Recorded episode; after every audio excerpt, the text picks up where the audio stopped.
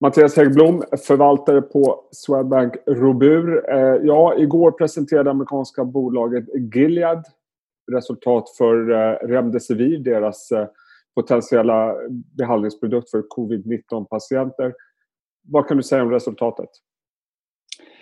Ja, det var ju inte bara en studie som presenterades utan eh, det var en otrolig rörig dag med egentligen tre studier som publicerades. Eh, först och främst eh, den kanske viktigaste och den marknaden uppskattade mest den som National Institute of Health har genomfört och den kanske mest rigorösa hittills. Den är dubbelblind, varken patient eller läkare vet vem som har fått vad. Den är placebokontrollerad eller randomiserad så som studier typiskt sett ska göra göras. Och där såg man då, eh, det mötte sitt primära mål. Eh, patienterna kunde lämna sjukhus fyra dagar snabbare än om de fick placebo, vilket förstås är viktigt för att eh, lätta på bördan på intensivvårdsplatser.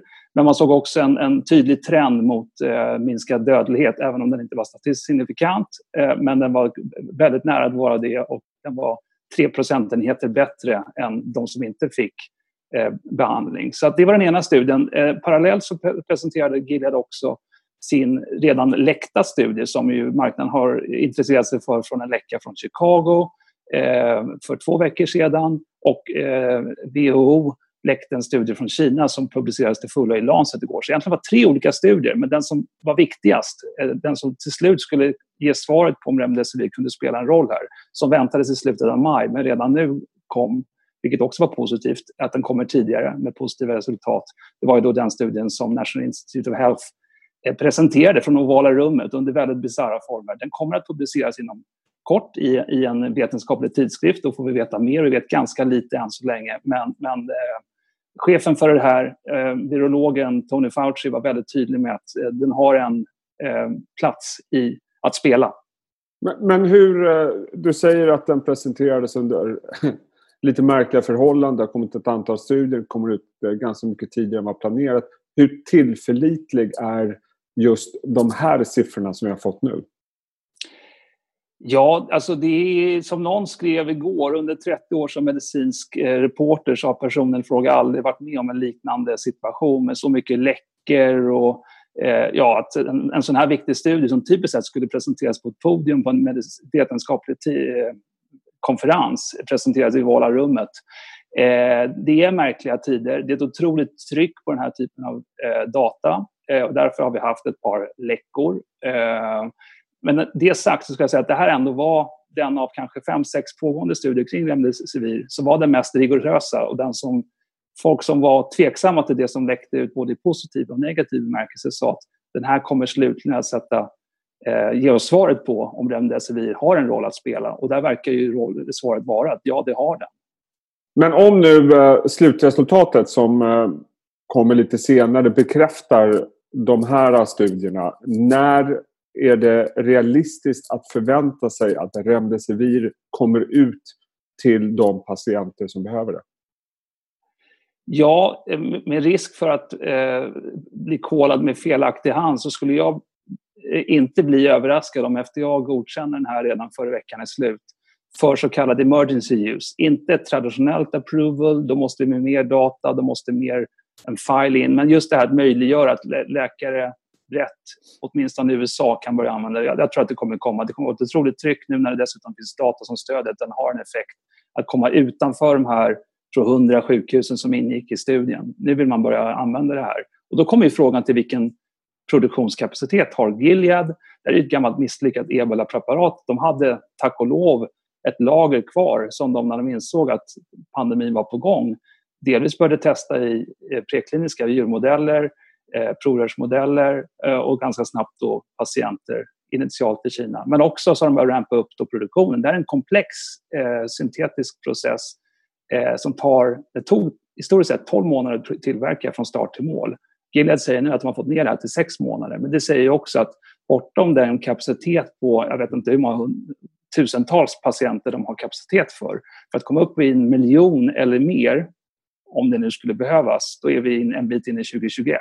Men de kör ju full fart framåt med, med, med kapacitetsutbyggnad. Men, men innebär det att den här uh, utmaningen vad gäller kapacitet, att det kanske framförallt kommer gå till amerikanska patienter inledningsvis? Det kommer säkerligen att börja där, ja.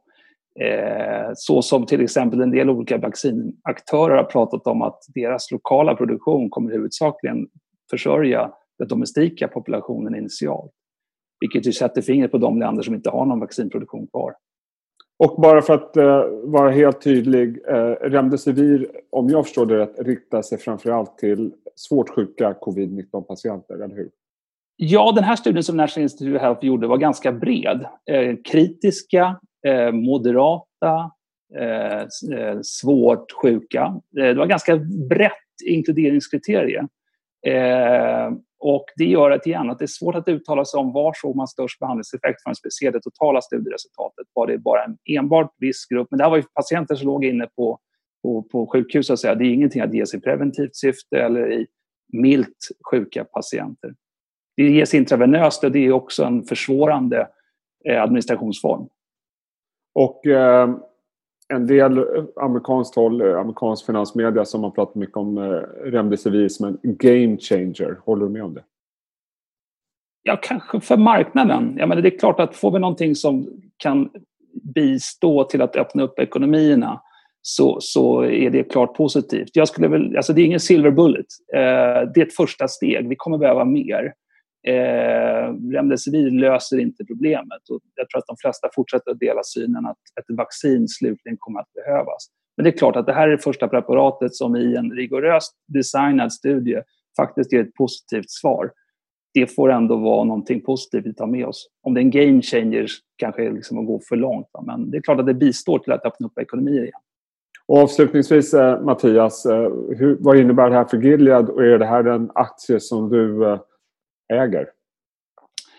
Eh, ja, alltså Gilead är ju upp 30 miljarder eller mer sen eh, det här läckte ut eller kom ut att de höll på med Remdesivir. Eh, för ett preparat som vdn har lovat och fortsätter lova att de ska sälja at cost är det svårt att räkna hem det, framförallt om vi får ett vaccin som eh, gör att eh, Remdesivir blir obsolet inom kort. Eh, vi har ägt eh, Gilead Eh, när vi insåg att de kunde vara en av eh, aktörerna här. Men vi har sålt eh, gradvis under styrka och det är inget av fondens större bett utan jag har nyttjat styrka i Gilead för att investera istället i bolag som har hämmats av covid-19, det vill säga kurserna har gått ner därför att man inte har kunnat göra vissa typer av procedurer. Jag ser Remdesivir som en möjlighet att öppna upp för dem och därför har mina Gilead-pengar gått till den typen av aktörer. Ja, intressant. Eh, Mattias Häggblom, tusen tack för att du tog dig tid och eh, glad valborg. Trevlig valborg. Ta hand om dig. Hej på dig.